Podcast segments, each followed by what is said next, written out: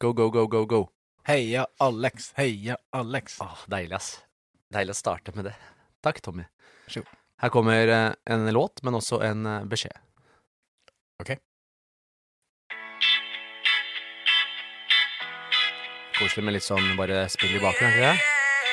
Det er jeg som synger, da. Hører du ikke det? Ja, jeg hører det.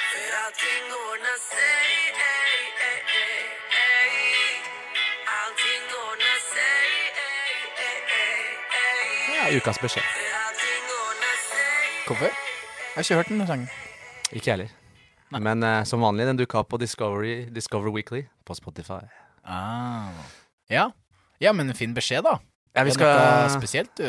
Ja, vi kommer til å dra opp en del eh, vanlige feil folk gjør på trening i dag. Ja. Så tenker jeg at eh, det er ikke så jævla farlig. Det går bra, det ordner seg. Det er bare å lære av det. Reflektere og lære. Så det var beskjeden. Ja. Så ikke folk tror at 'å nei, nå har jeg kasta bort alt som jeg gjør'. Ja, det er jo typisk det, da. Og mm, ting blir jo til eh, etter hvert som man lærer. Vi har jo gjort mye rare ting, vi òg, opp gjennom eh, årene, og fortsatt gjør mye rare ting. Og gjør kanskje ikke det som er mest optimalt. Nei, mest sannsynlig så ser vi tilbake på det vi gjør nå om noen år, og kanskje tenker sånn 'hvorfor gjorde jeg det der'? Ja. Ja, det, det- er vel å si en bra ting, da. At vi utvikler oss. Vi går i riktig retning. Absolutt. Absolutt, ja, ja. Ja. Det er hele Så er det hele viktig å vite hvorfor man gjør ting, da. Basere det på riktig grunnlag. Ja, det skal vi også snakke om i dag. Ja. Så det blir vanlige, det vi ser på som vanlige treningsfeil, altså som folk gjør i gymmet eller på treninga. Ja. Og hva de kan tenke over. Og så må vi jo selvfølgelig sette det i en kontekst, da. fordi at eh, som foreleser av PT, så er jo alltid svaret Det Det kommer an på. Det er riktig. Men It eh, depends. it depends. Du, jeg er keen på å starte med ukas challenge, Ja. som du fikk av meg. Åh, ja. Det var at du skulle name-droppe podkasten vår, litt for personlig trener, eh, fem ganger i løpet av undervisningshelga som du nå har vært på i Trondheim. Ja. Nå er jeg spent. Ja, jeg tror jo først og fremst jeg tror ikke det, du kunne gjort så mye mer for å sette meg utafor komfortsona. Det er så sjukt. Du skulle bare si Jo, navnet det- på poden Ja, men det er sånn egenreklame på når at du representerer noen andre. Det, det, det faller meg ikke helt Nei, eh, men det her altså. eh, fant vi ut forrige gang. Du sa 'jeg hata snikskryt', og så satt du og skrøt av at du varma opp med 140 markløft. Så det Ja, men det, det blir noe helt, eh, helt annet. For da Ja. Nei, jeg vet ikke. Men få høre, da. Men, Hvor, eh, hvordan fletta du den der? Ja, det, det ble jo fletta greit inn i, i introen, da. Da fikk jeg jo alle Ja. til å introdusere seg sjøl, og da gjorde jeg det på, på slutten og introduserte meg sjøl, og så name-droppa jeg da litt for personlig trener. Ja. Og så var det jo en person der som kom, eh, kom bort til meg, egentlig før at undervisninga starta, og sa at uh, han, har, eh, han er en jevnlig lytter da til litt for personlig Ah, så trener. hyggelig. Ja, så jeg fikk det jo inn der før egentlig det hadde starta. Ja. Eh, og så fikk jeg det i introen. Og så må jeg jo innrømme Ja, det at jeg ikke tok det i, i plenum alle gangene. Nei. Eh, For det, det sa du ingenting om. Nei, faen, altså. Nei. Nei, Det var dumt av meg. Det Ja. var jo meninga, selvfølgelig. Hvis du Ja. sier det til fem forskjellige folk, så Ja. er jo det ikke det Nei, det ble jo litt eh, sånn, da. Det ble jo til de som hadde så pinglete. Tommy. Nei da, men to ganger to gang i plenum Ja. til eh, hele gjengen, og så en gang eh, til han, og så en gang til, eh, til to andre. Ja, var, så da men er vi hør på nå. fem. Var det da du som tok opp podkasten, eller kom de til deg og tok det opp? For det er ikke det samme. Eh, jo, men jeg, jeg skyndte meg å si litt for personlig trener før han sa det. Ja, Men du skjønte skjønte jo hvor han skulle igjen. Ja. ja da, nei, men jeg, Det blir som Litt. å ta fra medspiller ballen, han står på åpent mål, og så tupper hun inn sjøl. Det er jo ikke du som har skapt målet. Nei, nei, men det var en god målgivende, vil jeg si. Og det er viktig. Du ser jo Målgivende hadde jo finta keeperen, runda han, og så skulle bare tuppe den inn sjøl, og så sier du 'litt for personlig trener'.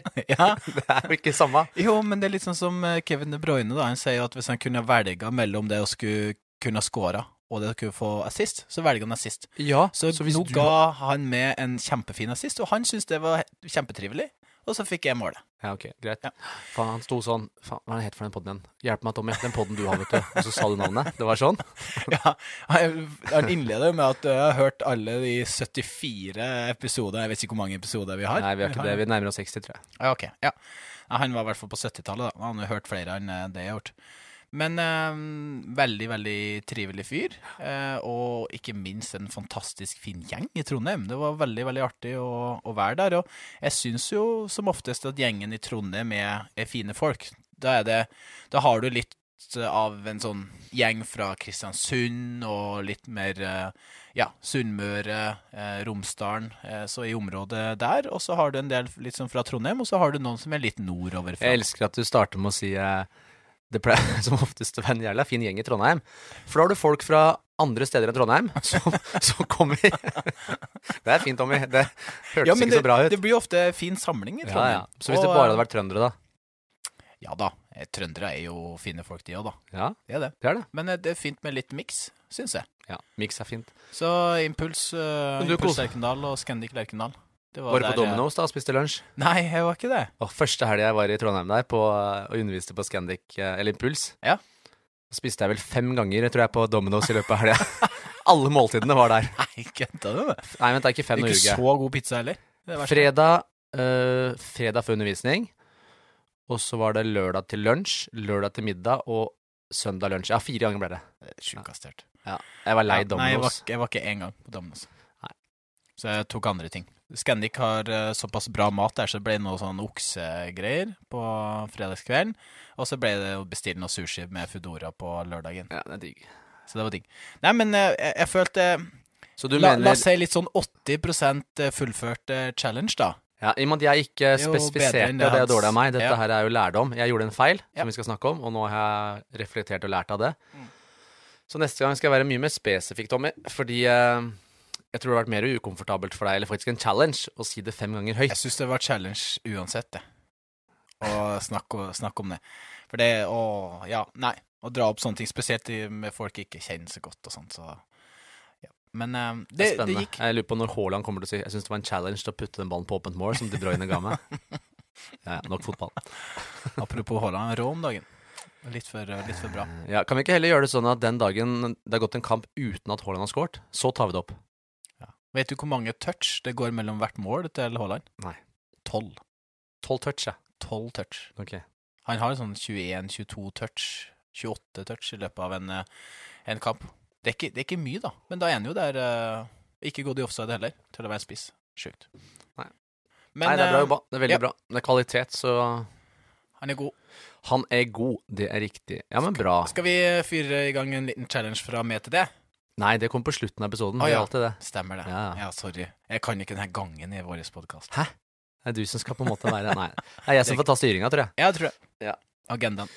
Nei, Så det skal vi gjøre etterpå. Enn du, da? Du har feira, du. Jeg har Noen- noen feira jobber, og noen feirer. Noen fester, vet du. Ja. Det er ikke så ofte, da. Det er veldig sjeldent. Men uh... Det var artig.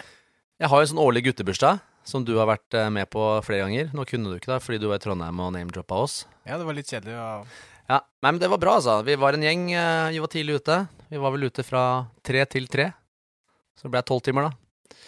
Så det, det kjennes i dag, altså. Jeg skal innrømme det. Men, eh, men ikke så gærent. Og det var, vi hadde det gøy. Vi var en gjeng folk som jeg ikke har sett på lenge. Blant annet en kompis som bor i Trondheim, apropos. Så han reiste hit for å, for å møte oss, da. Mm. Nei, det var kult, altså. Det er alltid gøy å få lov til å henge litt med gutta og slenge litt med leppa og du veit. Ja, men Ta på par drinks og Ja. Nei, det er viktig, altså. Ja. Så bra, det, altså. Så da, Det det gøy. Og så var det noen foreldretreff med kids, da. eh, I eh, klassen til Alva, eller trinnet til Alva i går.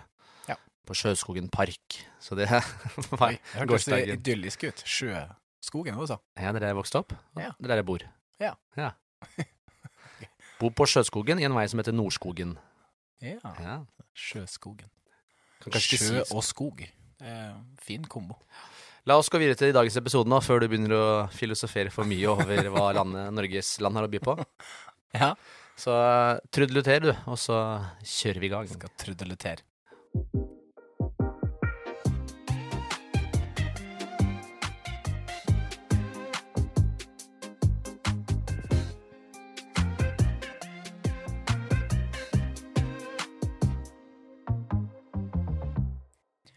Hei, og velkommen til podkasten Litt for personlig trener med Tommy og Alex. Nå sa jeg Tommy, så det er mitt eget navn først. Ja. Det var litt spesielt. Men akkurat uh, den introen, den, den, har du, den har du på stell, da, når vi kommer til gangen i podkasten vår. Ja, jeg har gjort den et par ganger nå. Ja, det Noen og 60, var det ikke det du sa? Nærmere oss 60, tror jeg. Nærmere oss 60. Ja. Ja. Noe sånt. Ok, hva, vi eh, skal, hva du har på hjertet i dag?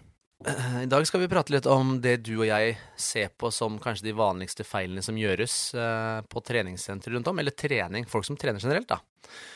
Og igjen så er det litt viktig å påpeke det her at har man gjort noen av disse tingene her, eller gjør det i dag, så er det ikke sånn at alt er bortkasta, men det handler om at vi skal komme med noen tips, da. Så vi skal ikke henge ut noen, men vi skal eh, si litt om hva vi observerer som kan være Som kan bli bedre, for å si det litt sånn politisk korrekt, da. Og um, sikkert det vi kommer til å, å, og egentlig konkretisere alt med, um, er jo det at det er jo balanse på alt. Det er jo Blir det for mye av noe? Blir det for lite av noe? Så er det liksom det er litt midt imellom. Mm. Ja. Så det, det er vel det vi for, Ikke for å ødelegge sånn før vi har starta, men eh, det um, er fint å ha litt sånn i bakhodet. Det er det, altså. Skal vi bare fyre løs har du gjort mye feil på, oh, ja, på trening? Om jeg har gjort mye feil, ja? Ja. Altså, veldig mye av de tingene som jeg skal gå gjennom på min liste, har jeg gjort sjøl. Det er jo Ja. derfor jeg har skrevet det ned. Jeg kjenner jo godt igjen. Og det er litt smertefullt noen ganger når du skriver ned ting som jeg fortsatt gjør. Det er ikke sånn at alt, selv om jeg vet at det ikke er optimalt, at jeg ikke gjør det. Nei, Samme her. Så, så ja, jeg, gjør, jeg har gjort og gjør masse ting som ikke er det optimale, og som kanskje også er direkte feil i henhold til hva jeg ønsker å oppnå. Men eh, noen ganger så, så har jeg på en måte en, en rasjonell grunn til det òg. Ja, for av og til så liker du det, sjøl om at det kanskje ikke er det mest optimale. Og det er jo litt viktig. Det er jo litt viktig å like det du gjør. Eh, for vi snakka om noe hva, hva er det som er mest fysisk optimalt? Ja. Men så er det viktig å tenke på hva er òg mest eh, mental, mentalt optimalt. Ja, ja, kan man bruke det?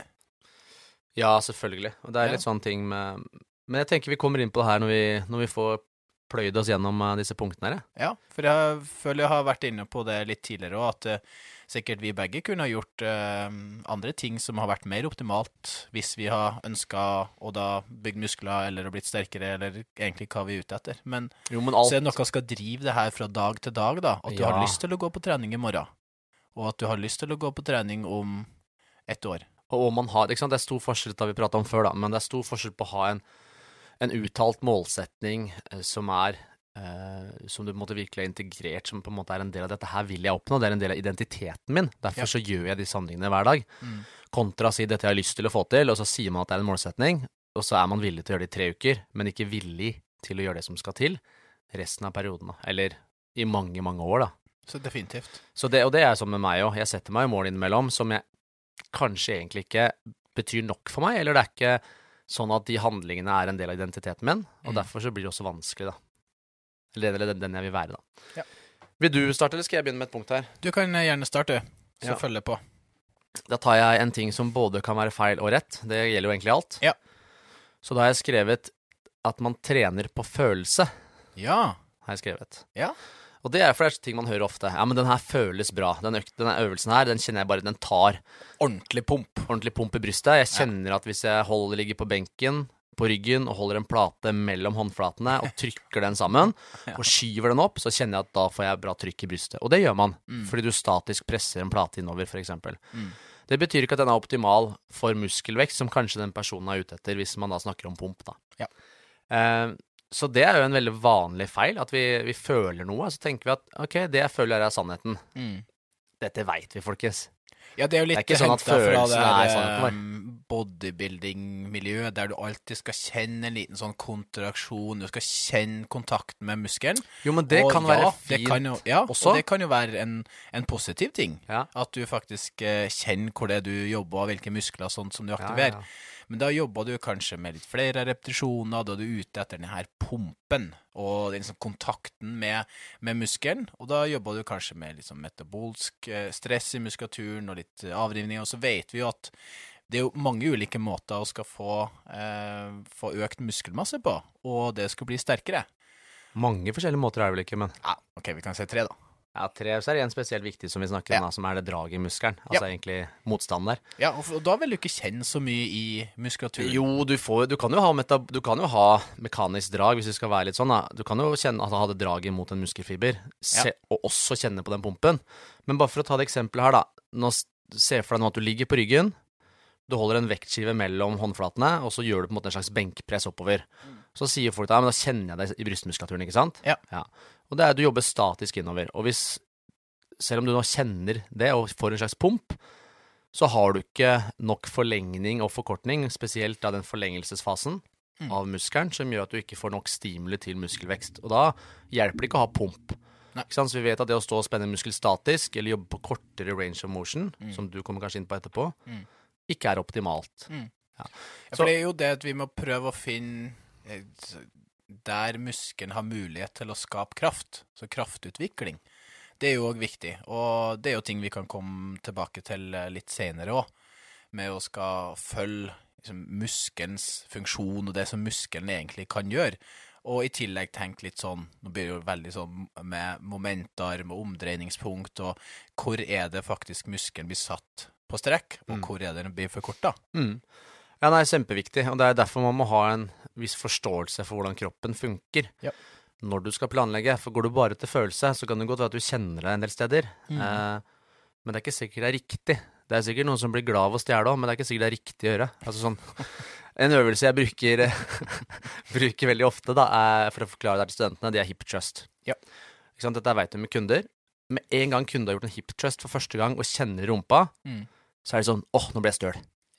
Det sier du med en gang. Mm. Så sier jeg sånn nei, den øvelsen her blir du mest sannsynlig ikke så støl av, for du får ikke så mye strekk på den muskelen her. Mm. Jo, jeg kjenner nå at jeg er støl allerede. Mm. Nei, du er ikke støl, du kjenner at du har brukt muskelen. Ja. ja.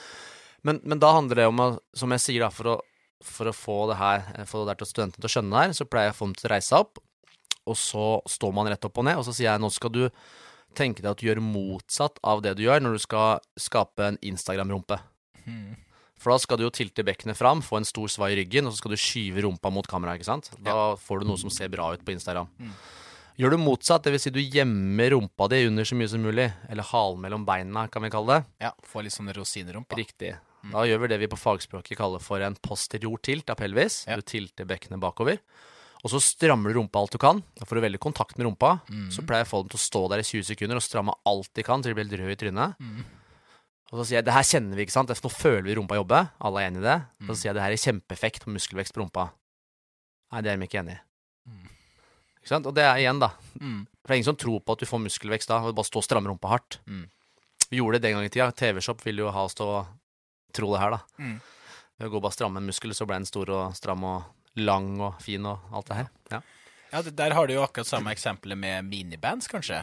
Ja det du- navnet nevnte vi jo sist, på Ja. eh, oppvarming. Du snakka litt om det, og det å skal ha miniband, så du får jo en, en enorm sånn kontakt med muskulaturen, både når du går sidelengs Ja, når, du har det eh, minibandet rett ved, ved knærne, eksempel, og det skal gå sidelengs, gå litt foran med beina litt ut til sida.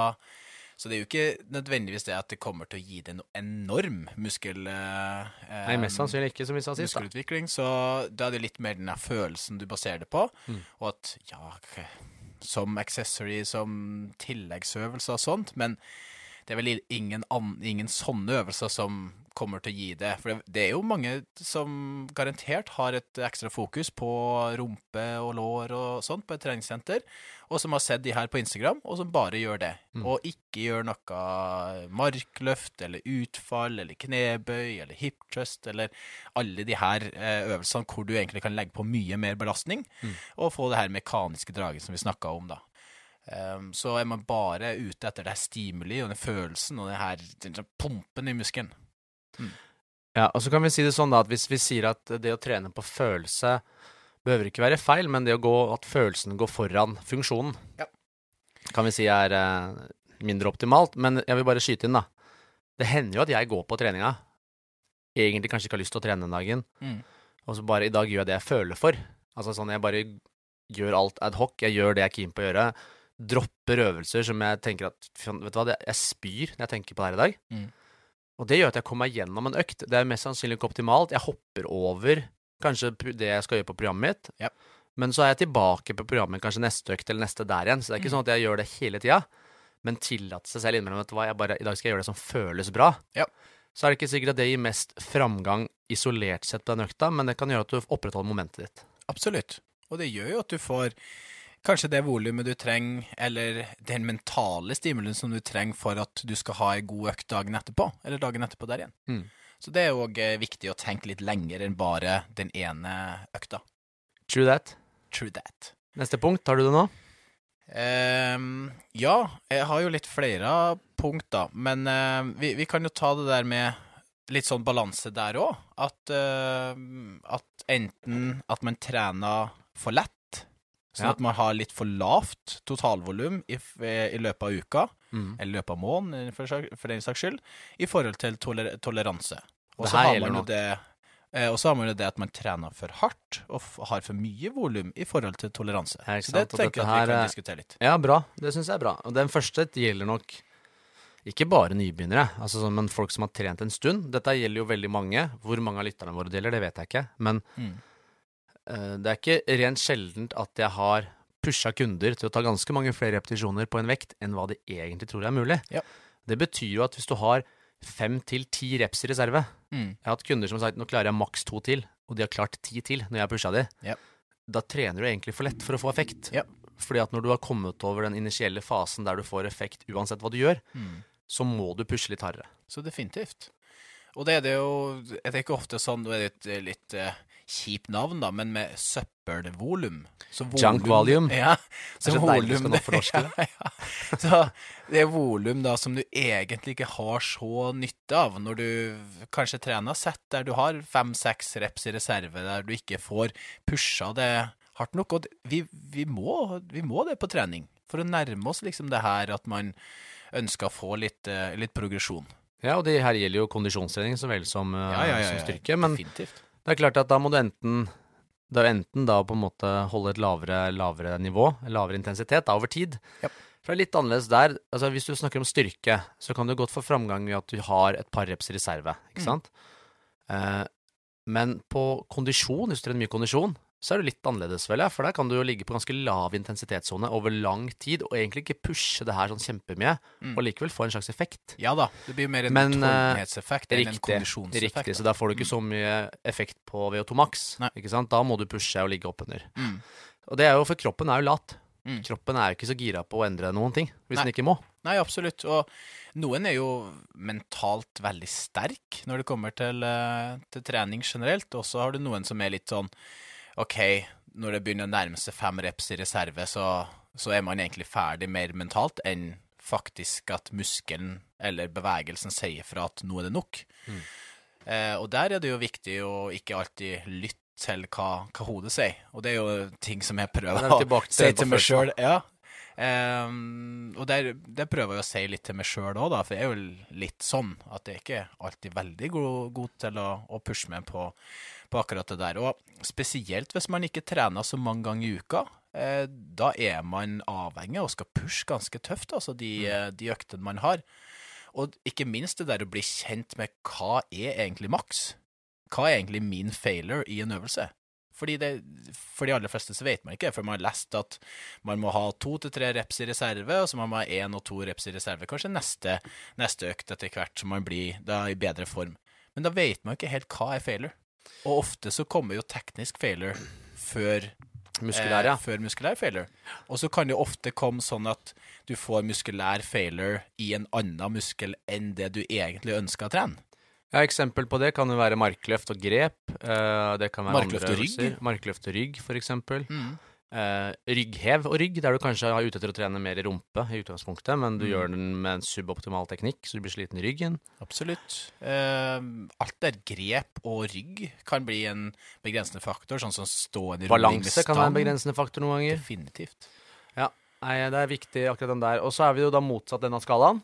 Og det gjelder gjerne de som er flinke til å presse seg, og som liker den følelsen. Mm. Eh, hei, Pernille. Hei, Ida. Sånne gærne folk som digger liksom det. Ida kom forresten Kasta seg av ved dørstokken i går og omtrent snubla inn trappa da han kom i går. Hadde jeg vært ute og løpt en mil og slått den forrige tida med ti minutter. Med ti minutter bare- en mil. Ti minutter! Kunne du ikke liksom bare satt på ett minutt, da? Eller et halvt minutt? Nei da. Sist hun hadde jogga, for hun hadde ikke løpt så mye den runden da, siden vi kom hjem fra Thailand, så hadde banka på med ti minutters pers fra forrige økt, da. Det er voldsomt. Det, det, Så vi var helt skutt. og det gjør jo at det blir enda mer krevende neste gang, da, å skal ta den der. Det er riktig. Så det er noen pusher kanskje litt for hardt, og gjør man det for mye, så er jo det en feil òg. Det er akkurat det. Og spesielt Husker du, sorry, bare ref til den episoden vi hadde med Markus. Han prata litt om det. Ja. Med stress Mm. og den påkjenninga når du bare pusher på, pusher på, pusher på. mm, Og det er litt sånn følelsesstyrt, det der òg. Ja. Absolutt. Og um, du har jo mange som, som trener mye, mye styrke og mye kondisjon. Um, og der det er blitt litt som en sånn identitet. Mm. At man skal trene hardt, og man skal, skal trene Skal mye. man, Hva hva man skal se, Tommy? Ja. Eh, hæ? Hva, hva man skal se når man trener hardt? Mannen med ljåen, Å ja, mannen med ljåen. er det du pleier å si. Ja, ja, stemmer det. Nei, så kanskje ikke se mannen med John hele tida. Men eh, det, som vi snakka om, at det er viktig å trene, trene hardt. Men desto mer du trener i løpet av uka, desto, nærmere, desto litt lengre unna failure kanskje, bør du kanskje være. Sånn når vi ser på totalvolum. Og så er det jo litt Eller på intensitet. Når vi snakker om totalvolum, så er det mange som trener Ehm, spesielt på enkelte områder, sånn som man tenker at man kan trene rygg mye mer, og så kan man trene rumpa mye mer. Eh, og så har mange øvelser, mange sett, mange repetisjoner, som hele tida gjør at du får såpass lang restitusjonstid, som gjør at det tar lengre tid før at du kan trene muskelen på 100% igjen. Ja, og så er det litt sånn, hvis vi tenker øh, Hvis du tenker en person som ikke har trent så mye før, vil jo for det første vil jo ikke presse seg så hardt. Mm. Vil ikke klare å presse seg så hardt, og vil heller ikke ha behov for å presse seg så hardt, si på et sett eller på en økt. Mm. Uh, teknikken vil være mindre optimal. Du vil rett og slett belaste muskulaturen og kroppen litt mindre per økt. Jo flinkere du blir på det her, desto riktigere du klarer å trene, desto mer du treffer den retninga du ønsker når du gjør en øvelse, f.eks., og gjør det gang på gang med kvalitet, så, så vil jo det her være mye mer intenst på kroppen din og på Mm. muskulaturen din. Så det betyr at når du gjør det, så kan du ikke opprettholde et kjempehøyt volum i tillegg. Da kan det godt være at når du øker intensiteten din og pusher enda hardere, ja, men da må du dra ned mengden litt. Ja. Fordi nå pusher du mye hardere, du har mye bedre kvalitet hele tiden. Mm. Og det er klart at du tålte jo mer hvis du hadde litt lavere kvalitet. Mm. Sier ikke at det er bra og lav kvalitet, men det her er en naturlig progresjon, kanskje, da. Ja. Og det har jeg merka på flere kunder som jeg har, eh, som jeg har hatt, eh, som egentlig har trent med altfor høyt eh, volum, opp mot eh, 30 sett, eh, sett i uka på, eh, på Ja, la oss si da forside lår, eller bakside lår.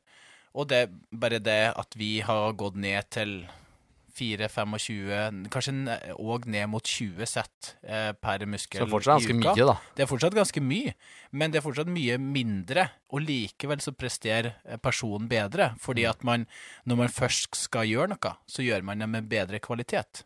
Og det, det er viktig å, å få frem, for mer er ikke alltid bedre. Og eh, det skal ha sånn smart og hensiktsmessig trening, Mm. og et eh, bra treningsprogram. Det er viktig. Det er bra. Vi tar et punkt til, da. Ja, gjør det. Vi har mange punkter her, så vi får passe på at vi ikke går down the rabbit hole på hvert eneste, men det er Ja. viktig å få snakka om. Har, eh, vi kan jo gå litt tilbake, det går jo på følelser, på en måte, da, men jeg har skrevet det å trene et ego. Ja da. Leave your ego at the door, er det noe som heter. Ja. Gamle bodybuilder-praten Mm. her. Er du flink på det? Ja og nei. Mm. Ikke alltid. Eh, men det igjen går å trene hva er det du faktisk ønsker å trene. Er det hodet ditt? Er det på en måte det å imponere deg sjæl, eller imponere andre? Imponere kompisen? Søstera til kompisen? eller hva, hva enn du trener for. Ja. Eh, så det tror jeg er litt, eh, litt viktig. Å være bevisst på f.eks. når jeg skal løfte her nå, hva, hva er det vi trener, og hvor tungt trenger jeg egentlig å trene for å få den effekten jeg er ute etter. Ja. Eh, det er viktig. Og Nei, jeg vet ikke. Ego. Jeg har skada meg mye altså på å trene ego, spesielt når jeg holdt på med AP-streker og calisthenics og sånn. Mm. Skulle liksom være like kul som alle, så da var det bare å kaste seg opp i human flag mange nok ganger. Bare mat på. Kjør på. Eh, det funker dårlig, ass. Ja da. Det, kroppen vår er jo sånn at eh, den trenger jo litt, eh, litt og litt tilpasning Mm. for å så gjøre noe nytt. Så et nytt stimuli, tilpasning. Et nytt stimuli, tilpasning. Og etter Mm. hvert så skjer det jo ting, og da det går det liksom Det følger den trappestigen hele veien, i stedet for å bare hoppe direkte fra nivå 1 til nivå 4. Ja. Da skjer det Da sier kroppen ifra. Det gidder den ikke. Så prøv å drite den stoltheten. Altså Ja. Tren for deg sjøl, ikke for hva alle andre tror, og ikke hva du skal vise. Så Helt riktig. Og det går kanskje litt sånn til, til unge Jeg vet ikke hvor mange unge lyttere vi har. Men eh, i hvert fall det der at når du ser kompisen eller venninna di løfte en viss eh, kilo Tenk at du skal ikke på død og liv løfte akkurat den samme belastninga. Her er det at du må finne det som er mest eh, eh, ja, eh, mest realistisk for det og ditt nivå. For det kan være at, at venninna di eller eh, kompisen din har trent i ett år lengre, eller et halvt år lengre bare den tida. Eller bare at de er sterkere, eller, Ja, eller bare gjort den øvelsen lenge, eller i en lengre tid. Mm. Så prøv å justere treninga etter det sjøl. Spesielt når du trener med andre. For det, det er jo en annen ting vi, vi kommer inn på, det med full range of motion, eller fullt bevegelsesutslag. Ja, Gå videre på den, du. Ja, eh, for det er jo veldig naturlig etter hvert som man da Hvis man gjør noe som man ikke har helt kontroll på, på den belastninga man gjør, f.eks. i benkpress, så ser man jo det veldig ofte mm. på unge gutter som skal løfte akkurat samme som kompisen sin, og så eh, stopper man eh, lenge før, og så klarer man ikke å skyve helt opp. Så at man står og Ja, jo mindre range of motion er jo da lik I hvert fall mindre effekt når det kommer til hypertrofi. Ja. Så du kan jo bli sterk i den range of motion du gjør, men du blir jo ikke sterk i den banen du ikke trener. Nei. Og så er det typisk sånn eh, skulderpress med hantler. Da er det så mange som har hørt at man skal stoppe når man har 90 grader i albuen. Ja. Så de stopper jo før hanteren omtrent passerer øra. Ja. Så det er ganske kort range of motion. Det er Mm. klart, Da kan du ha tunge vekter, Ja. men du får mindre effekt Mm. uh, av øvelsen enn hvis du har hatt lettere manualer, lettere hantler og kjørt full range of motion helt ned til skuldrene, og så opp igjen. Ja, så vinninga går litt opp i spinninga av og til, ved at man alltid skal søke mer kilo. Det er heller å søke full range of motion, eller noe som jeg syns er bedre enn full range of motion, det vil vel være full range of challenge, kan vi si det? Eller full range of utfordring. Fordi at én ting er jo range of motion, det er jo hvor mye bevegelse du kan ha i, i en øvelse. Mm. Eh, en annen ting er jo hvor eh, mye av bevegelsen blir muskelen belasta. Mm. Sånn som for eksempel i en kinesisk sidehev, ehm, som er Ja, det er en side hvor du tar av hantlene, og i stedet for å stoppe når du er rett over skuldrene, så fører du den opp over hodet, da. Yes. Ja. Så det, der er det jo ganske lett i starten, for at uh, momentarma er ganske kort. Ja, Vekten eh, er nærme kroppen. Ja. Så etter hvert så kommer du jo lenger ut i en vanlig sidehev. Der er du jo, der er du tyngst, Mm. og der får du òg størst belastning på muskulaturen, i hermetegn. Og så begynner du jo å gå med hendene da videre opp, sånn at du kommer over hodet. Og da blir det egentlig bare lettere igjen. Ja. Så man tenker jo da at full range of motion alltid er bedre. Men her så er det jo, i dette eksempelet så vil det jo være bedre å kanskje stoppe da ved 90 grader, enn å da skal, skal gå hele veien. Mm. Så det kommer, det kommer jo selvfølgelig litt an på. Men man tenker jo helt sånn, så det å skal det- ha fokus viktig- på full range of challenge i stedet Ja. for full Ja range da, of og det er viktig som du sier. Det, det, får vi ikke, det er vanskelig å ta det muntlig akkurat det her, for det er med biomekanikk å gjøre. Ja. Men det å skjønne at selv om du har et stort bevegelsesutslag, det kan jo være at den siste delen av bevegelsesutslaget har du ingen belastning på. Mm. Eh, det samme gjelder jo når du sier range of motion. Så du gjør benkpress med manualer, da. Du ligger på ryggen. Mm. Idet manualen passerer sånn at den er på rett linje med skulderleddet, Mm. så har det ikke noe ekstra effekt å slå disse vektene sammen og lage en lyd. Spe hvis det er eh, Hvis du har jernmanualer, så du kan lage en sånn kul lyd, da har det en effekt. Men det har ingen effekt på muskelvekst, for den siste bevegelsen der påvirker ikke. Og så er det det vi prater som regel om, er jo da strekkfasen som er viktig, da. Ja. Eh, viktig ting der, før vi går videre til neste punkt, det er at selv om vi sier at full range of motion stort sett er best, så kommer det jo an på hva du vil trene, og det fins jo selvfølgelig øvelser som kvarte knebøy, andre som kan være spesifikt for å jobbe med kraftutvikling i akkurat den leddvinkelen, eller Yes. de, det området. Mm. Da kan det selvfølgelig være veldig gunstig, men sånn generelt for folk flest så er det bedre med større bevegelsesutslag. Ja, så hvis du har en, eh, en toppidrettsutøver, så ser du de eh, veldig ofte gjør kvartbøy, sånn som du sier. Eh, men jeg tror nok de bruker ganske mye tid på fullbøy òg. Fordi at eh, de er ute etter å bli sterkere, i tillegg til å kanskje få økt belastninga i kvartbøyen sin. Jeg bare kom på én ting nå, litt sånn sidespor. Når du snakker nå, så tenkte jeg For du sa jeg vet ikke hvor mange unge lyttere vi har. Mm. Og hvis vi har hatt unge lyttere, og har det nå, så tror jeg de har falt av for lenge siden når vi bruker navn som fullbøy, kvartbøy. For jeg satt med en gutt her forrige uke, som var 15 år, og skulle som hjelpe han med å skissere opp et treningsprogram. Og da var det sånn Jeg kunne ikke bruke noen norske ord. Nei. Fordi det visste, altså han, Alt han snakka om, var engelsk, fordi det er det som står på YouTube og TikTok og Instagram og Så definitivt. You know. Og det, det er jo det som er så artig med å være eh, foreleser eh, rundt omkring, for da møter jo mye av de litt sånn De litt yngre som er veldig interessert i trening, og ikke, ikke bare de som er studenter, men de som trener på det treningssenteret. Og jeg hører jo så mye artig artige greier. At jeg, jeg trente legs i går, så i dag så mye Ja, men hør bro, skal du få innpass, eller, så må du eh, snakke sånn, ikke sant? Guns, eller ja. Det er Altså, sånn det er jo sånn. Det er leg day, det er shoulders. Og delts og Ja, ja, det, man sier lat pull down, og det er ikke liksom nedtrekk. Det fins ikke lenger. Så vi må bare følge med tida, Tommy. Vi må nok Kan det. bli, vi kan ikke dette ut. for Vi skal ha lyst til å påvirke de yngre òg. Ja. All right. Skal vi se. Neste punkt her. Uh, jeg skal bare skrive passord på PC-en min. Har du hoppa ut? Tommy er svak, er det. Er det? Nei, nei, det er ikke det. Altså. Eh, jeg har skrevet uh, Ja, det, det kan vi snakke mye om, men det går jo litt i det vi har snakka om før, da, at man ikke har en plan. Her skrevet kan være en feil. At det du trener på følelse. Så jeg går jo litt inn i det. Ja. Kan være fint å ha en plan, også fordi at da er det litt vanskeligere kanskje å stoppe etter to øvelser fordi du føler at det var greit. Mm. Noen ganger er det helt ok, det vi snakka om før.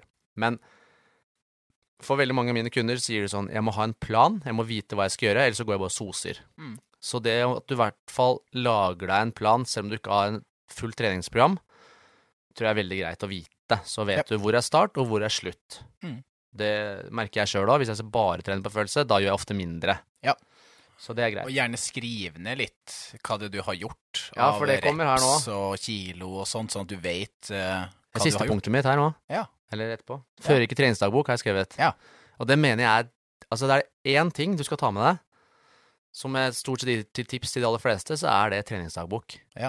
For er det igjen, ikke sant, hvor mange er det som går på jobb, og så har de ingen peiling på hva de gjorde i går, så, så jobber de på følelse dagen etterpå. Det er ingen som gjør det. De har kontroll på hva de har gjort, og dette er ting jeg spør kundene mine. Mm. Er det sånn at du går på jobb, og så husker du ikke helt hva du gjorde i går? Du husker oppgavene, men du husker ikke hvor du slutta. Så du bare starter et sted du føler, du. Nei, jeg gjør ikke det. De har selvfølgelig planer på alt. Ja, ok. Men sånn er det på trening òg. Fordi at skal du klare å belaste kroppen din mer, så må du huske det. Og det er ikke sikkert du husker alt du har gjort til enhver tid. Mm. Om du gjorde 11 eller 12 repetisjoner. Men det er kanskje de 12, økninga fra 11, som gjør at du får effekt denne uka også. Ja. Og det er en liten sånn shout-out til de som jobber med å skal lage program til, eh, til ulike og alle, Eller det er mange som liker å ha program, som vet at eh, OK, det her skal jeg gjøre i dag. Ja, kanskje ikke gjorde den øvelsen, men da kanskje jeg tar den seinere. Eller at det gikk, eh, gikk fint å Mm. ikke ta den. Og liksom, og en shout-out til det. Du jobba jo litt som online eh, coach, og gjennom Able. Eh, Så ta gjerne kontakt med Alex hvis at du har lyst til å ha et lite program. Tommy driver med snikreklame her nå. Det er ikke bra, det. Det er ikke bra. Men eh, det, jeg tror det er viktig å ha en liten sånn plan. Jeg er veldig glad i å følge en plan. Jeg følger jo planen til boksen, så til CrossFit Sagene. Mm. Og prøver å være med på de aller fleste gruppetimer, eller de gruppetimene jeg kan få vært med på. Mm. Og da vet jeg at tirsdagen er lagt opp til hva som var på mandagen. Og onsdag er lagt opp til hva som var på mandag og tirsdag. Og, og på den måten så blir det litt mer hensiktsmessig, i stedet for å bare flyte. Mm. Og basere alt på følelser. For veldig ofte, det har jo jeg skrevet ned, det er sånn naturlig inn mot neste, Ja. det at man eh, enten har for mye variasjon i, eh, i treninga si, så for mye variasjon i øvelser blant annet, eller for lite variasjon i, i treninga si.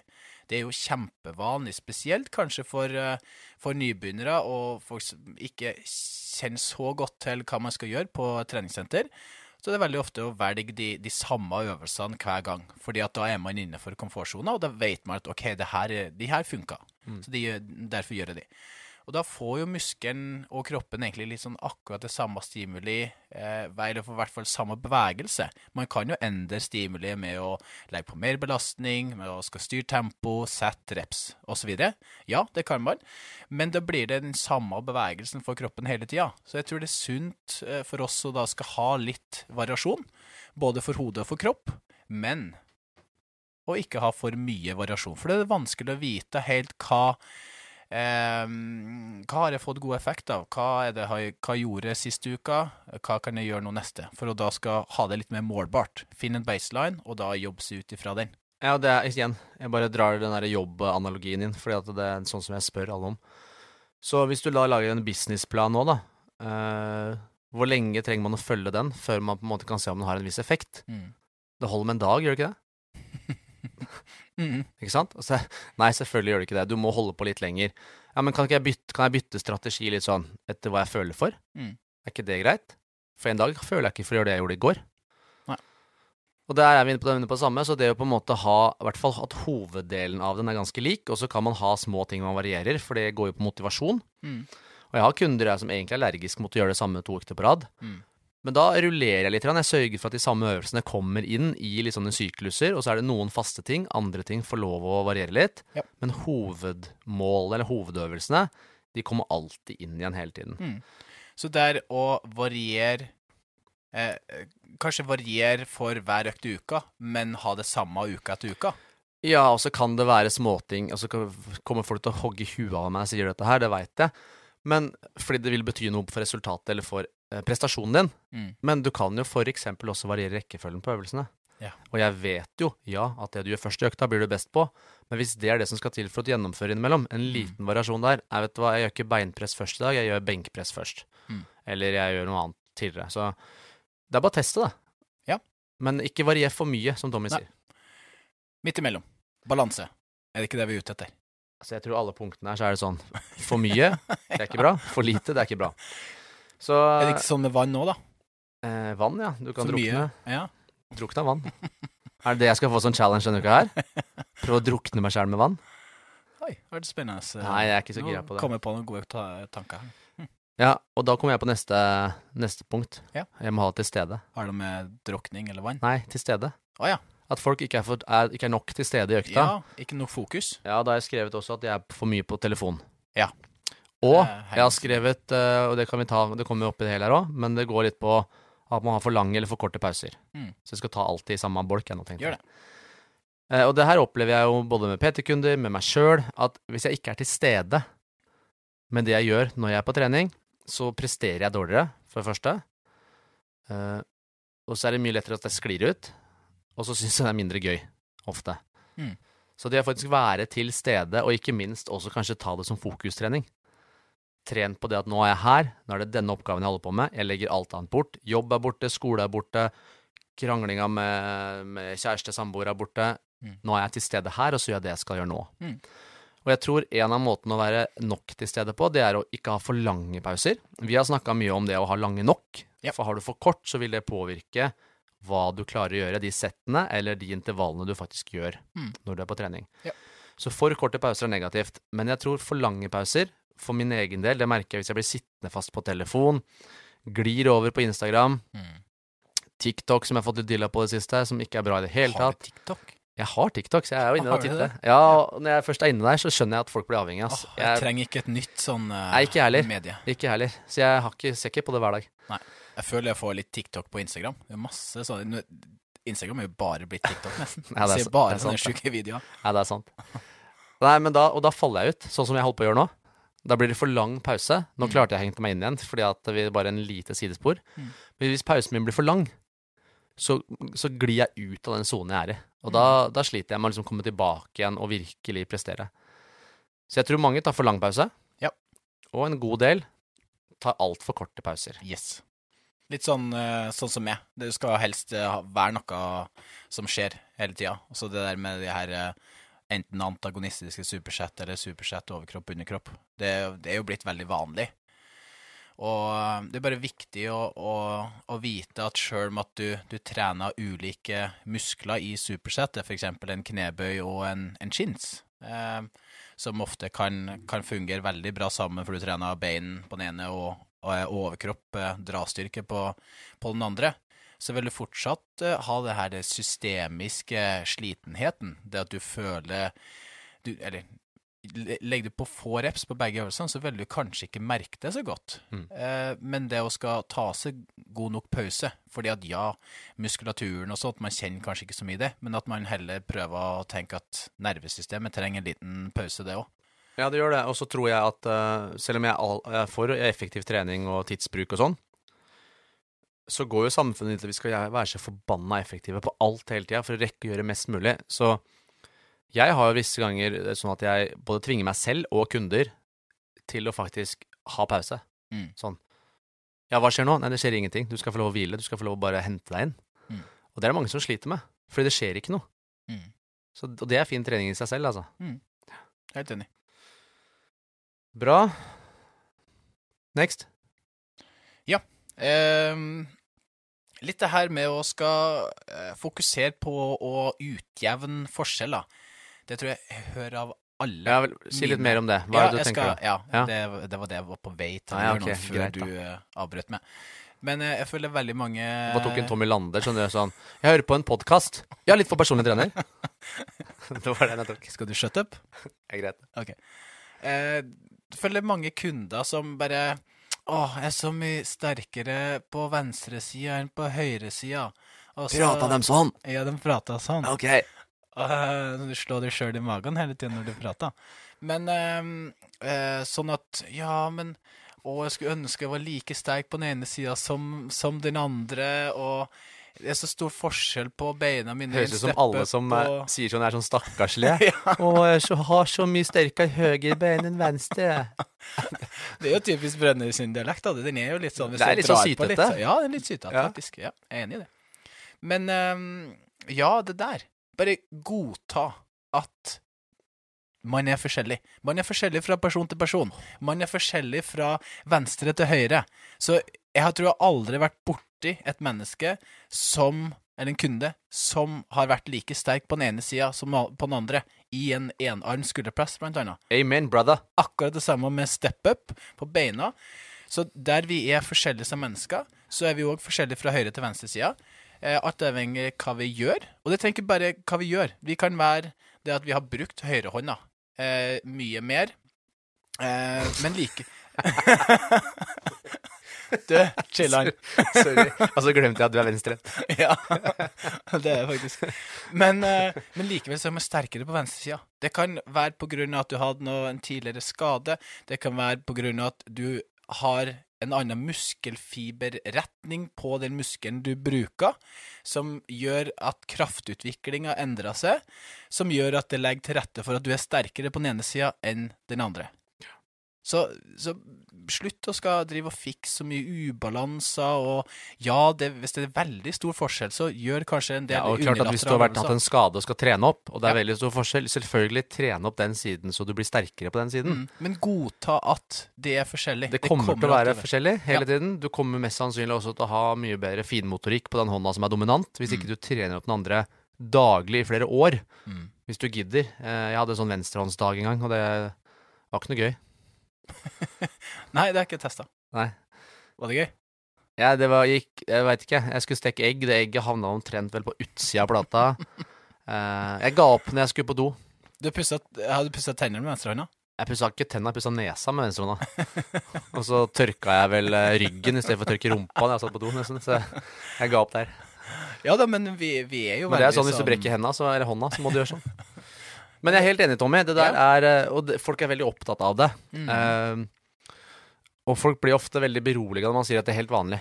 Ja. Uh, alle har det sånn. Mm. Og så er det litt forskjell. Og så blir de veldig opptatt av å finne ut av hvorfor. Ja, men jeg er høyrehendt. Jeg, be- jeg er høyrebeint. Jeg har bedre balanse på venstre. Så er det sånn, ja, hvis du er høyrebeint, hvis du skulle sparka til noe, hvilket bein ville du stått på da? Venstre. Ja. Så derfor har du trent mer på å stå på venstre bein. Mm. Hvis du har spilt fotball eller bare gjort altså sånn. Ah, ok, det gir mening. Ja. Mm. Så det er ikke alltid det er så logisk, og kanskje ikke vi skal bry oss så mye heller. Nei, jeg tror ikke vi, vi trenger å bry oss så mye. Bra, da har vi tatt den. Ja, det har vi. Det var litt mythbusting òg, det der. på en Ja, måte. ja. um, ja, litt grann, Det her er referert egentlig til forrige episode, så det trenger vi ikke å snakke så mye om. Jeg har bare skrevet at man ikke varmer opp nok. Ja. Det kan jo være en feil, det prata vi om hele forrige. Så hvis du vil høre mer om oppvarming, gå en uke tilbake. Oi, snikskryt. Det er snikreklame. Det var ikke noe skryt, da. Episoden var ræva, men du kan gjerne høre den for det. Nei, ræva, jeg syns det var dritbra. Ja, du syns alltid det. Nei, den var ikke dårlig, altså. Uh, den var ikke det. Uh, nå trodde jeg hadde skrevet 'snakker med seg selv', men jeg, jeg har skrevet 'snakker ned seg selv'. Ja. Ja. Uh, og For det du snakker jo med deg sjøl ganske mye i løpet av en dag, gjør du ikke det? Jo, jo. Ja, Jo, man gjør jo vanligvis det. Jeg pleier som regel ikke å si det høyt, for da tror folk at jeg er gæren. Mer gæren enn du er. Det er riktig. Eh, folk trenger ikke å vite hvor gæren jeg egentlig er. Har snakka ned seg sjøl. Ja, men snakker ned sånn, og spesielt når man trener sammen. Sånn ah, ja, f- jeg er ganske svak her, eller Mm. De skal liksom unnskylde at, ikke ikke det, å at ikke de får det til, eller og jeg er så dårlig i benkpress, eller jeg er så Aff, jeg er klarer ikke, og jeg er dårlig på løping, eller Tror du virkelig at det kommer til å få deg til å prestere bedre? Ja. Nei, men altså, jeg mener det. Så jeg er litt sånn Men det, Jeg blir forbanna noen ganger på kunder som jeg trener når de begynner sånn. Enig. Jeg blir, altså, jeg blir grinte. Jeg sier sånn Ja. Tror du nå kommer til å gjøre det, det her er bedre? ikke, ja, men det er ikke lov. Nei. Når du er her nå. Det er ikke lov. Gir du dem noe straff Hvem gjør det? Nei, jeg straffer dem. Altså, jeg er ikke så dust. Ti burpees. Kom igjen. Ja, men kan ikke det mm, Nei, kanskje. Kanskje for noen Jeg pleier å si sånn Den eneste som har lov til å snakke deg ned, det er meg. du er litt sånn douche-PT. Ja. Og folk syns det Eller vi syns det er rart at folk kaller oss eh, sadister. Ja, nei, jeg syns ikke det er rart helt av det. Nei. Nei. Neida, men, men tenk heller på hva du kan få til. Altså, jobb med mindsettet. Dette er jo et stort tema, selvfølgelig. Men, Mm. men å gå på trening, snakke seg ned altså, jeg, Tenk hvor mange som gjør det. Og grunnen til jeg sier det, er fordi jeg gjør det her sjøl. Jeg tar meg i det. Det er ikke sånn at jeg tror at jeg aldri kommer til å gjøre det igjen. Mm. Ser seg i speilet, misfornøyd med hvordan man ser ut, misfornøyd med dagsformen. Ikke sant? Jeg merker noen ganger hvordan jeg må jobbe opp huet mitt fordi jeg kanskje har dårlig dagsform i dag, føler meg svak. Bare Da må jeg gå i meg sjøl. Mm. Og så må jeg finne Men hvorfor er jeg her? Hva er det jeg skal gjøre? Mm. Ja, altså, det har jeg skrevet.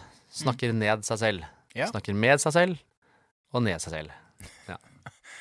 Ja, eh, du var inne på noe der som egentlig eh, drar det litt videre til mitt eh, neste punkt. Det er jo at man bruker trening litt for å straffe seg sjøl, enten for at man har spist noe sånn dårlig i løpet av helga, eller at man bare skal pushe seg sjøl igjennom ei økt man egentlig ikke har så lyst til å gjøre. Og eh, Har du aldri gjort det før? jo. Ja. Og der var jo mitt neste punkt da, at ja, du må til en viss grad eh, pushe det igjennom. Det er ikke alltid at du kommer til å ha en sånn 'Å, fantastisk, i dag skal jeg trene'. Eh, av og til så kommer det til å være ganske tøft å skulle gå på trening. Det kjenner jeg. Det kjenner du. Og, eh, men så klarer vi å få gjort den økta uansett. Mm. Men det å skal prøve Hvis det er det samme gang på gang på gang, så det å skal finne noe man syns er gøy, og ja, én ting på papiret kan være mer optimalt enn noe, andre, enn noe annet for de målsettingene du har satt deg, men det er jo eh, kontinuiteten som vil være det viktigste for de målsettingene som du har satt deg. Og da er det viktig at du gjør ting som eh, som du trives litt med. Mm. Så prøv litt forskjellige ting. Vi er så låst i et sånt system om at å, nå skal vi stå Styrketrening handler om å stå foran et speil og gjøre noe bicepscurl og gjøre eh, noe flies og sånne ting, fordi at man har sett at andre har gjort det, så da er det sikkert det man tror at man skal gjøre for å få god effekt. Men man kan få en god effekt med trening nesten uansett hva man gjør. Og det, det handler bare om kontinuitet over tid. Ja, du må som vite hva du vil, da. Ja, og som drar det dit uh, i morgen Mm. og dagen etter. Ja, jeg er enig, eh, og det er veldig kortsiktig. Jeg har jo straffa meg sjøl, jeg òg. Altså, det jeg mener med det, er at jeg har gjort det for å kickstarte. Jeg har prata om det før. Mm. Men litt den derre Jeg føler meg ræva, føler ikke jeg har gjort det jeg skal, føler at jeg har vært lite produktiv. Da vil jeg nesten helst at jeg skal regne ute, snø. Så starter jeg da med det der, å løpe bakker, ikke sant, og så er jeg helt ferdig, og så syns jeg det er pyton. Men, men da er det mer en mental greie sånn etterpå at jeg overvant det. Ja. Eh, Det blir ikke negativt, det blir ikke noe positivt. Mm. Så det er ikke en straff på den måten. Jeg, jeg vet jo hva jeg får ut av det. Jeg gir meg Mhm. selv noe. Mm. Bra punkt. Mm. Ehm, nå hadde jeg noe annet på, på tunga, men uh, jeg glemte det. Så hvis du kanskje tar rett uh, nå, så kommer jeg sikkert på det. Jeg tror jeg er snart ferdig med alle jeg hadde, altså. Skal vi se uh, Straffe seg sjøl. Jeg har skrevet at man kanskje har litt for høye forventninger noen ganger òg. Mm. Den tror jeg kanskje at Ja. man uh, Jeg kom på det. Ja. Så når bare, bare tren etter et uh, estetisk fokus, og estetisk fokus kan fungere for veldig mange, til å skal bare dytte seg på trening uh, enkelte gang, men det å skal ha litt mer sånn tiltro til at trening kan gjøre mer enn bare for estetikken, for at har du bare et estetisk fokus, så, så skjer det såpass lite fra gang til gang at du blir veldig fort demotivert. Og der Mm. har vi vært inne på mange ganger i vår podkast, men det kan man ikke poengtere nok, syns jeg, med at eh, prøv å finne andre ting. Prøv å finne prestasjonsmål. Prøv å finne den bare Å, jeg har lyst til å føle meg litt bedre i dag. Jo, men jeg tror det der er viktig, fordi du, du vet jo at deler av treninga mi, det er jo tradisjonell styrke, pumping, alt det du sier er feil. Ikke sant? Feil! Nei, men? Det var jo det estetiske som fikk meg i gang. Alt er riktig. ja. Nei, og det Jeg hadde blitt ganske demotivert, jeg nå, hvis jeg kun skulle vært enderesultatfokusert, da.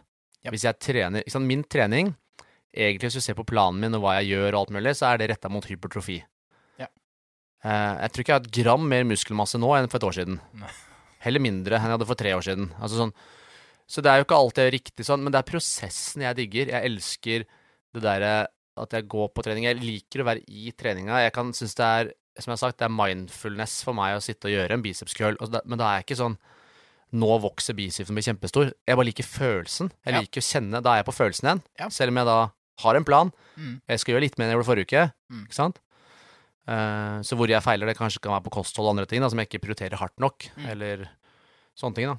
Ja, for de Um, ytre faktorene kommer ofte av at du har fokus på de indre faktorene. Ja, for det tar så lang tid å få resultat, spesielt på sånne ting. Mm. Også for så vidt på styrken jeg holdt på med med calisthenics. Det tok lang tid å klare å gjøre en human flag. Mm. Bli så sterk. Men når du først setter den, så er det jo fantastisk. Det er dødsfett. Det tok dritlang tid før jeg klarte å komme, stå på hendene parallellbarer, og enda lengre tid før jeg klarte å gjøre handstand pushups på de barene. Mm.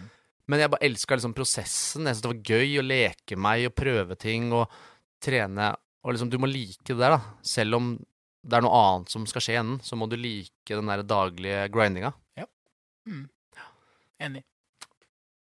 Good. Good. Jeg er, ferdig, jeg er ferdig med mine punkter. Tom, jeg. Ja, jeg begynner å nærme Jeg skulle si begynne å nærme, men jeg er ferdig òg. Er du det, eller? Ja. Da sitter jeg egentlig og bare venter på at vi snart skal eh, At jeg skal få en challenge. ja. En challenge. Skal jeg gjøre det Tommy way? Skal vi se om jeg finner en egen måte å løse det på. Nei, det er bare du som ikke er concise nok. Det er ok. Ja. Ja, fyr, da. La, la, la meg få det. Jeg er fyra. Ehm, det handler egentlig om å gjøre eh, andre sin dag litt eh, bedre. Ok. Ja. Det er litt artig. Det er jo koselig. Ja, Det spørs hva jeg må gjøre for at de skal ha det bra, men uh... ja, det er bare vent og hør. Um, det tenk Jeg syns jo det Vi har etter hvert blitt litt sånn der uh... jeg tørker ikke deg rumpa en hel dag. Hvis det er det du skal si nå? Nei. Nei, greit. Nei, sorry. Da kan du fortsette. Sjuke ting du drar frem her. Men ehm, eh, man ser jo veldig ofte når man går rundt omkring Jeg går jo ofte fra hjemme og så ned på jobb. Og Ja. det er ikke så lang avstand, kanskje tre-fire minutter å, å gå, men så møter man jo mye folk. Mm. Og da ser man Det er veldig sjelden at man ser ansiktet til folk lenger, så alle er jo pakka ned i mobilen, og ingen som ser hei eller er opp med hodet og smiler eller noe sånt. Så jeg tenkte at du skal få påvirka det her litt. Ja. Og da tenker jeg at eh, Jeg har ikke bestemt meg for antall ennå, men enten tre eller fem personer som du skal eh, si hei til. Så helt vilkårlige folk. Du skal ikke kjenne personen. Ok, ja. Eh, og så bare spør hvordan det går. Og så skal du prate med personen Ja, kanskje La oss si 30 sekunder. Er det lenge? Ja, det kan være jævlig lenge. Og Ja. det, det som er at det er mer ubehagelig mest sannsynlig for de enn for meg. Kan vi si 20, da? 15? Prate med i 20 sekunder. Ja, men du vet det, Ja, jeg, altså jeg tar utfordringa, jeg. Eh, men, men, Skal vi si tre stykk, da? men igjen, da. Jeg kan, ikke, jeg kan ikke gå og filme folk. Jeg kan ikke gå med mobilen Neida, og skjult kamera. Og... jeg stoler på det. Så får du bare fortelle uh, Fortell nå, da. Det har vært mye morsommere å få det på film, selvfølgelig. Ja, det har det. Kunne ha fulgt det. Jeg kan jo filme. Så du går og er sånn skjult kamera, du, bak der. Ja, men da tenker jeg at uh, det vil jo kanskje gjøre dagen for en sånn person, da. Samme hvor jeg, samme hvor jeg møter de. Ja, ja. Ja, Jeg kan være på, tre, si tre personer, kan være på Vinterbro uh, shoppingsenter, for den saks skyld. Ja, kan være på greit. treningssenter. Tre personer som jeg ikke kjenner, ikke vet hvem er. Ja. Som jeg skal da hilse på, og så se om jeg kan uh, prate litt med. Få lirka ut litt ting. Lirka ut litt ting. Hei. Hvordan har du det? Ja, men uh, Hva jobber du med? tar du den? Hvor bor du? Hva er telefonnummeret ditt? Det, det var bra. faktisk litt eh, artig. Nå så, eh, em, eh, ja, nå er vi kanskje litt og bitte litt over tid, men sånn kjapp story, bare. Ja. I, uh, I går så var jeg jo i Trondheim. Skulle ta, um, ta taxi fra uh, Impuls Lerkendal til Værnes. For at det er såpass kort tid, og det tar lang tid å komme seg til, til Værnes fra, fra byen.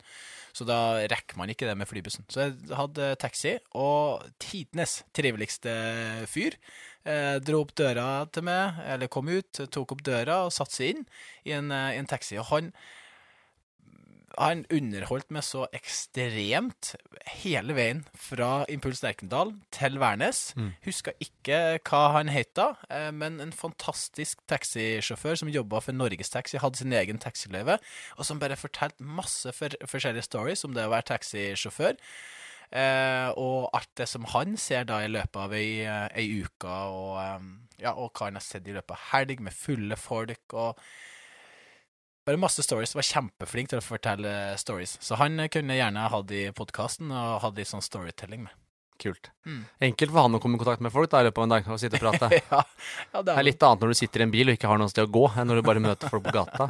Jeg ser for meg at jeg kommer til å gå ved siden av de der de skal, og følge samme retning, og så blir jeg sånn rar fyr. Nei, jeg skal finne noen naturlige innganger, jeg. Oi, akkurat en time. Er det det? Ja. Uff, det er ikke gærent, ass. Om fem, fire, Ja. tre Uinteressant for folk det her, da. At du sitter og teller en. ned. Der. Akkurat en time. Men folk, det, men folk, folkens. Eh, dagens tema har jo vært da Skal vi kalle det vanlige feil på treningssenteret. Um, er det noe du lurer på, sånn i forbindelse med trening og sånn, om er riktig feil? Send en melding til oss, da, så skal vi ta det opp i, i poden også. Ja. Eh, ellers så svarer vi. Vi har fått mange som har stilt spørsmål til oss der på innboksen. Vi svarer på alt vi har tid til, vi. Mm. Ja, vi kan lett ta en episode til. Det er jo masse man kan dekke her. Det er mye, for så vidt. Det er det. Så det er bra. Jeg har vært Så i kan vi jo ta kontakt en episode med hva folk gjør riktig på trening. Det hørtes litt dølt ut, men det var Det er ikke noe så VG-overskrift. 'Dette gjør mennesker riktig'. Det er ingen som leser det. Nei. Folk liker å bekrefte. Vi må ha katastrofeoverskrifter. Mm. 'Dette dreper deg' på trening. Oi. Da hadde folk lest det. Eller hørt på. Ja. Nei, men det er greit.